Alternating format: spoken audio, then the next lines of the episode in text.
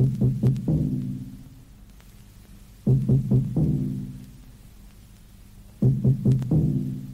er historiske dage med en særmelding.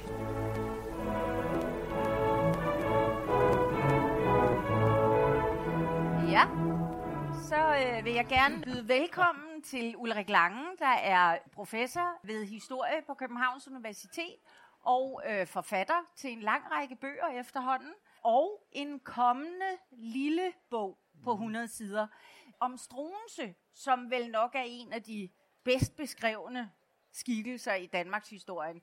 Du slutter din bog af med sætningen, sig navnet Struense og se, hvad der sker. Og det gør jeg nu. Struense. Ja, altså en helt, øh, på godt og ondt, helt enestående figur i dansk øh, historie, men også en, øh, en historisk figur, som på mange måder er efterhånden gennem alle de her beskrivelser, du nævner, alle, øh, både de litterære, skønlitterære fremstillinger og de historiske, øh, ikke så meget de historiske fremstillinger, men de litterære og film og alt muligt andet, på mange måder er løsredet fra sin oprindelige historiske kontekst. Man kan faktisk sige, at, Struens Struensee er blevet en myte. Han øh, er blevet sådan en figur, som alle efter for godt befindende kan putte alt muligt ind i, og derfor så er han meget langt fra den Struensee, som man måske som historiker øh, vil finde, når man kigger i datidens øh, materiale og prøver at, at se på de stemninger, der, der omgærede ham i, øh, i den periode, han styrede Danmark. Hvis vi nu øh, lige skubber den der eftertidens ja. øh, og, og fiktionens Struense, mm. så lad os prøve sådan at få nogenlunde øh, fat i, hvordan han er. For du har jo de her 100 sider. Det, jeg skal lige sige, det er en del af et virkelig prisværdigt projekt fra Aarhus Universitetsforlag, hvor der udkommer 100 Danmarks historier, skrevet af 100 forskere på 100 sider til 100 kroner. Men i dag, hvis billigere, tror jeg, 70 kroner i dagens anledning. Desværre kan man ikke købe den her endnu. Den kommer først øh, om et stykke tid. Nå, tilbage til Struense. Lad os prøve lige at få, få fat i ham her i de næste kvarter 20 minutter.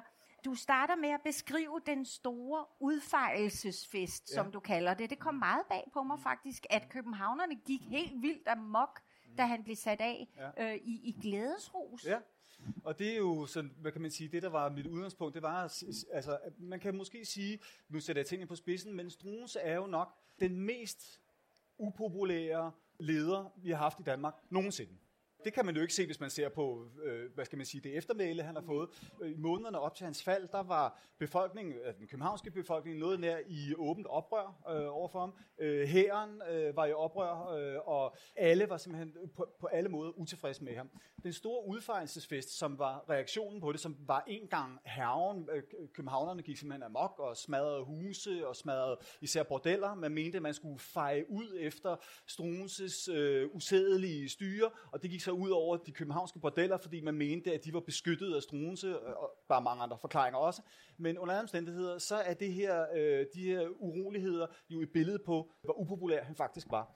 Og så kan man sige, jamen det var fordi folk ikke vidste bedre. Sådan vil man sige, øh, øh, øh, måske sige til, altså, jamen han stod jo for alt muligt andet, det vidste folk ikke. Nej, men man må jo tage alvorligt, at datidens, øh, hvad kan vi sige, kommunikationssystemer og måder at opfatte samfund og styre og så videre på, var helt anderledes, end øh, vi opfatter det i dag. Og det der måske også var problemet øh, her, det var jo, at man jo ikke rigtig vidste, hvad der var foregået. Man vidste, at der var sket noget på slottet, Struense var faldet, men alle gik rundt, københavnerne gik rundt og afventede nyheder hele tiden, for at vide, de ville gerne vide, hvad, hvad skete der? Og der var folk, der skrev noget, der begyndte at udkomme en, et, et tidsskrift, eller en avis faktisk næsten på dagen, som alene øh, havde til hensigt at bringe nyheder til københavnerne om, hvad det egentlig var, der foregik øh, på slottet. Folk vidste det ikke, men netop i den her øh, mangel på øh, øh, klare oplysninger, der fejrede man i det mindste, at den her besudler af kongemagten, tronraner øh, og alle mulige andre, andre anløbende ting, man kan sige om ham, at han var faldet. Det var den opfattelse, der var af ham. Hvis vi som historikere eller romanforfattere jo bare siger, ja, men folk vidste ikke bedre, Strunse var jo alt muligt andet. Han var en elsker, han var en reformator og alt det der, vi hører hele tiden, så er det jo en ekstrem arrogance over for den samtid, som faktisk dømte ham helt anderledes. Og også en arrogance og en, hvad skal vi sige, ahistorisk måde at se den samtid på, fordi man skilte sig jo, øh, selvfølgelig kan man sige, det styre, der kom efter Struense, var på mange måder reaktionært osv., men det skal forstås i en helt bestemt historisk kontekst. Det er en af mine pointer. Så den almindelige befolkning og københavnerne især har ikke mærket Struenses øh, reformer og forandringer. Jo, jo. De har mærket? Til det dårligere. Okay. Hvordan det? Øh, jo, det må fordi, du uddybe. Ja, altså man kan sige, øh, mange, af, mange af de ting, som, øh, øh, altså nogle af de økonomiske reformer betød øh, rigtig meget for mange københavner, det var så blandet med almindelig dyrtid og fejlslagende høst og så videre, men altså at øh, priserne på ru og alt muligt steg, der var masser af, af ting, som faktisk, som de her reformer, de medførte øh, ting, som var, var, var, var direkte øh, jeg kan sige, dårlige for, for den almindelige københavner.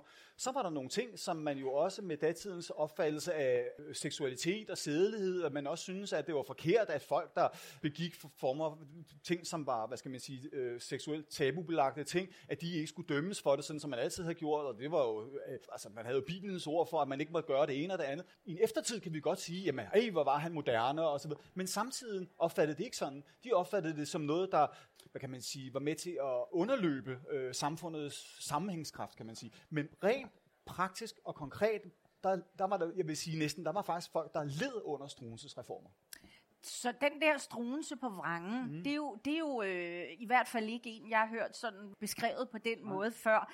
Du nævner blandt andet, at en af grundene til det kan være, altså den folkelige modstand kan mm. være også, at, øh, at han spydede en lindstrøm af kabinetsordre ud mm. på de 16 måneder, ja. han reelt havde mm. magten. Mm. Altså, det gik for hurtigt. Ja, altså det var jo sådan en, øh, man kan sige, i, øh, altså hele hans program, hvis man kan tale om det, er jo et fint, flot øh, på mange måder, altså idealistisk set, et flot øh, oplysningsprogram, præget af tidens tanker. Og, og, øh, Skal vi og lige få det på plads, fordi ja. det kan jo godt sidde nogle få her, som ikke er klar over oplysningstidens ja. tanker. Skal jo, vi bare lige Jo, men altså oplysningstidens tanker om, skal man sige, borgerlige rettigheder, ytringsfrihed og så videre, de ting, som vi forbinder, som vi tager helt for givende i dag, og derfor også synes, at Strunse var jo forud for sin tid og alle de her ting, fordi han netop introducerede de her ting. Og det er rigtigt, men han gjorde det med en, øh, en, en, øh, en, en for det første i en meget stærk øh, hast, øh, så, så de nåede ikke at virke, og han gjorde det også med en udpræget mangel på forståelse for det samfund, han ligesom sendte de her ordre ud i. Øh, og som en øh, historiker, øh, Sebastian Olden Jørgensen, har peget på, så, så, så var han altså han forstod simpelthen ikke den politiske kultur, han var en del af. Han forstod ikke det, hvad kan man sige, den, øh, den kongemagt, han, han forsøgte at forvalte, og han forstod ikke de mekanismer, der var på, på spil her. På den måde, så blev han jo nærmest parodi på, på det der oplysningsprojekt, fordi det blev sådan forvrænget i al sin hurtighed og i al sin tro på, at man bare kan lave, lave et hårdt snit, og så ændrer man bare tingene, og så må folk jo forstå, at det er til, til, det er til det bedre for dem selv. Så det virkede ikke. Den der kærlighedsaffære ja. med dronningen, som jo alle sammen kender, tror jeg. Mm. Det kan godt være, at vi ikke kender oplysningstidens idéer, ja. men øh, den der kærlighedsaffære, den ja. kender vi jo i hvert fald. Mm. Hvor, hvor stor betydning har den haft for den modstand, han møder rent politisk? Det var jo meget normalt, at dronninger, ja. eller i hvert fald konger, lå i. Ikke? Jo, altså, men de lå, lå ikke nødvendigvis sige med en læge, der så tog magten. Øh, nej, altså, nej, nej, men, men øh, utroskab var jo øh, legitim på det niveau. Ja, ja, og konger har jo altid haft nogen øh, til, til side, måske ikke dronningerne, det er så noget andet. Øh, men altså, øh, det, men det er klart, altså, Struenses adgang til magten er jo Karoline Mathilde. Altså det er selvfølgelig i første omgang øh, hans øh, magt, vil man sige, over kongen, hans psykologiske magt over kongen som læge, ven og fortrolig med kongen, der kan han jo få kongen til at, at, at, at være med på sine idéer om at reformere tingene og udsende øh, kabinetsordre og love, der skal ændre tingene. Og, men det, at han bliver, øh, hvad skal man sige, øh, holdt fast i, i magten, er også igennem affæren med Pauline Mathilde, og, og netop også, hun som er aktiv part, også er med til at skabe sådan en, en boble omkring dem, sådan et lille intimt hof, som, som tilsidesætter alle, hvad skal sige, de gængse hofformer, hvor man altså har en, hvad skal man sige, en repræsentativ offentlighed, det vil de ikke være med til. Det skal være sådan et hyggehof, det skal være en intim familie, det skal være naturligt, det skal være skønt og dejligt, og der er ikke noget, der skal blande sig i det her. Og så hun er med, som set, på den måde med til at, at holde ham ved magten, og måske også øh, altså har i hvert fald noget gå sig medskyld i, at det går, som det går. Nu siger du, at det går, som det går, og, og det er jo også en, hvad skal man sige, en af de helt store øh, begivenheder i Danmarks historie, mm. nemlig Struenses endeligt. Mm. Hvad er det, der sker i de dage der, ja. hvor det hele kulminerer? Altså, det er jo, øh, og, og der vil jeg gerne vende tilbage til noget af det, som du indledte med, med den store udfejelsesfest, altså de her uroligheder efter hans fald altså, jeg har været meget optaget af de der måneder, der går øh, op til, til hans fald. Altså, det har været en stemning i København af, altså, af uro og af kaos, af anarki. Man har simpelthen ikke vidst, hvem der egentlig havde øh, magten. Når det er sådan, militæret begynder at, at agere på egen øh, hånd, som man, man så det, og, og nægte og adlyde ordre og så videre, så, altså, så er der virkelig, virkelig noget galt. Og jeg har været meget interesseret i, den der, i, den, i de der stemninger, der er op til hans fald, øh, hvor øh, Struense også flere gange prøver at iværksætte iværksætte hvad skal vi sige, øh, en slags øh, folkefester, for ligesom at få lidt, øh, for, få lidt opbakning fra befolkningen, og der er blandt andet sådan et stort arrangement, der bliver stablet på benene, hvor der, skal, øh, hvor der bliver stegt en kæmpe stor okse, som, og så bliver der frit delt mad ud og vin ud til befolkningen. Forsoningsoksen, som den her okse blev kaldt, ikke? altså det her med at kongemagten, eller det vil sige Struens og hans styre, ligesom skulle forsones med, med den her befolkning, som efterhånden var frustreret og, og trætte af, af styret, eller trætte af, det lyder sådan lidt, øh, altså det, det var øh, kan man sige, meget værre, end at de var trætte af det. Men alt det her foregår i, i, i en ekstremt hektisk øh, og desperat atmosfære. En desperat atmosfære både i, øh, i byen, København, men også øh, ved hoffet, hvor man gang på gang møder den her øh, lydighedsnægtelse og modstand, og godt ved, at det er måske lige på nippet til, at der sker et eller andet alvorligt her. Så øh, hoffet, det vil sige øh, Struense og, og Karoline Mathilde øh, øh, og nogle af folk omkring den, gør sig flere gange parat til faktisk at rejse og flygte fra, fra, fra Danmark, hvis det nu skulle gå helt galt, eller, eller flygte i sikkerhed i hvert fald.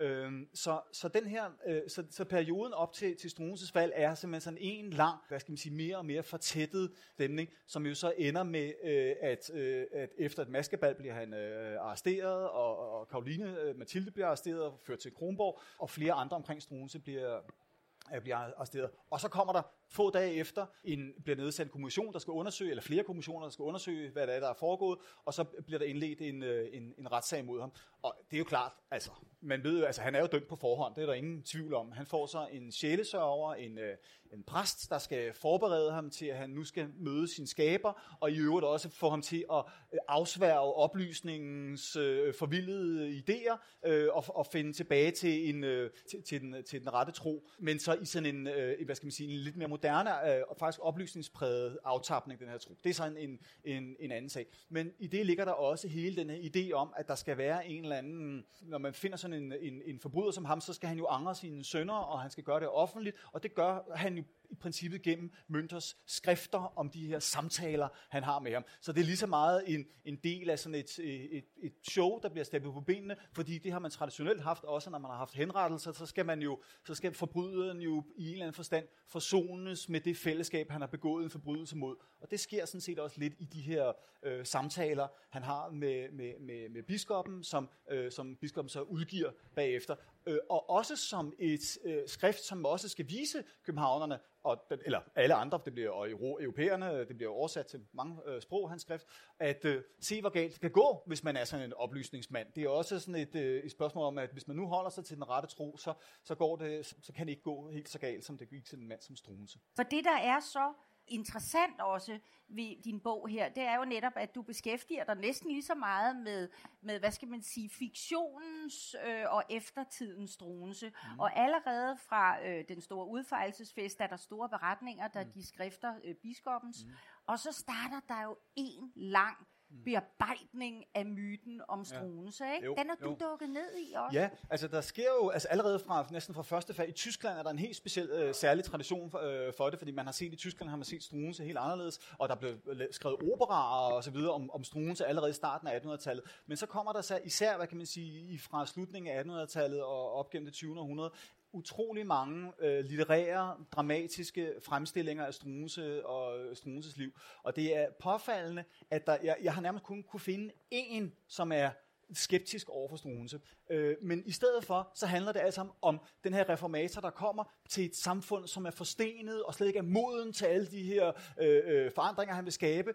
Øh, så der er åbenbart en, øh, hos os danskere en eller anden kulturel, øh, øh, hvad skal vi sige, hien mod at fremstille os selv som dumme og dvaske og, og, og uoplyste, og der skal komme nogen udefra og fortælle os og huske det, som vi så, en tysker udefra, som, så skal, som vi så bagefter kan gøre til martyr og sige, se, han kom, og han ville ændre noget. Vi er dumme dumme. Jeg ved ikke, hvorfor det der selvpineri er der, men altså, det er tydeligt, hvis man ser på alle de der øh, øh, fremstillinger, så er det simpelthen en lang række af, at øh, Danmark var fuldstændig forstenet og slet ikke modtagelig for oplysningstidens idéer, hvad der var fuldstændig forkert. Man kunne læse alt det oplysning i København, man ville. Der hoffet indkøbte inden kom, Rousseau og Voltaire og abonnerede på den store franske encyklopædi af oplysningstidens hovedværker, og det var et stor mode at ligge på sin chaiselong og læse øh, øh, oplysningsværkerne. Så, så det er fuldstændig fortegnet billede der, når vi ser, at Strunse kommer, og så bliver oplysningen indført, og det er nærmest i hemmelighed, at de sidder og læser Rousseau og alt muligt andet. Nej, nej, det, det, det, det kunne enhver, øh,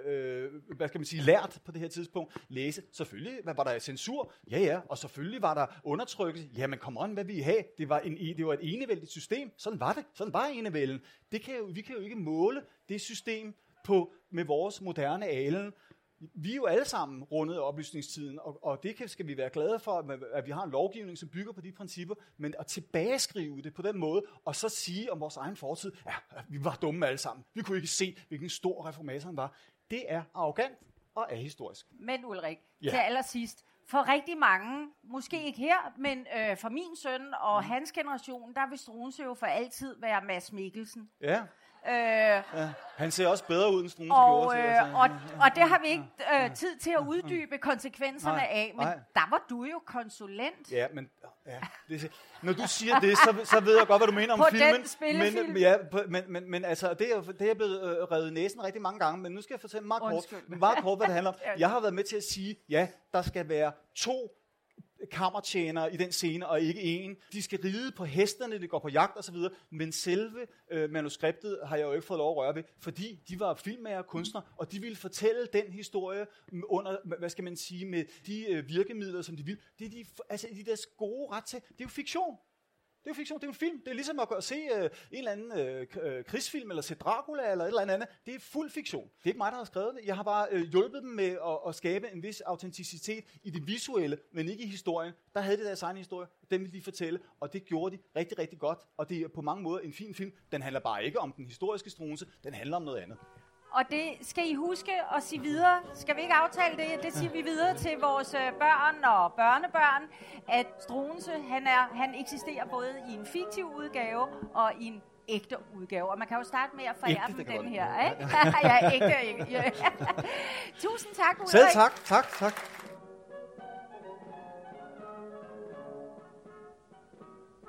Tak til Ulrik Lange og Liv Thomsen for deres spændende betragtninger om Struense.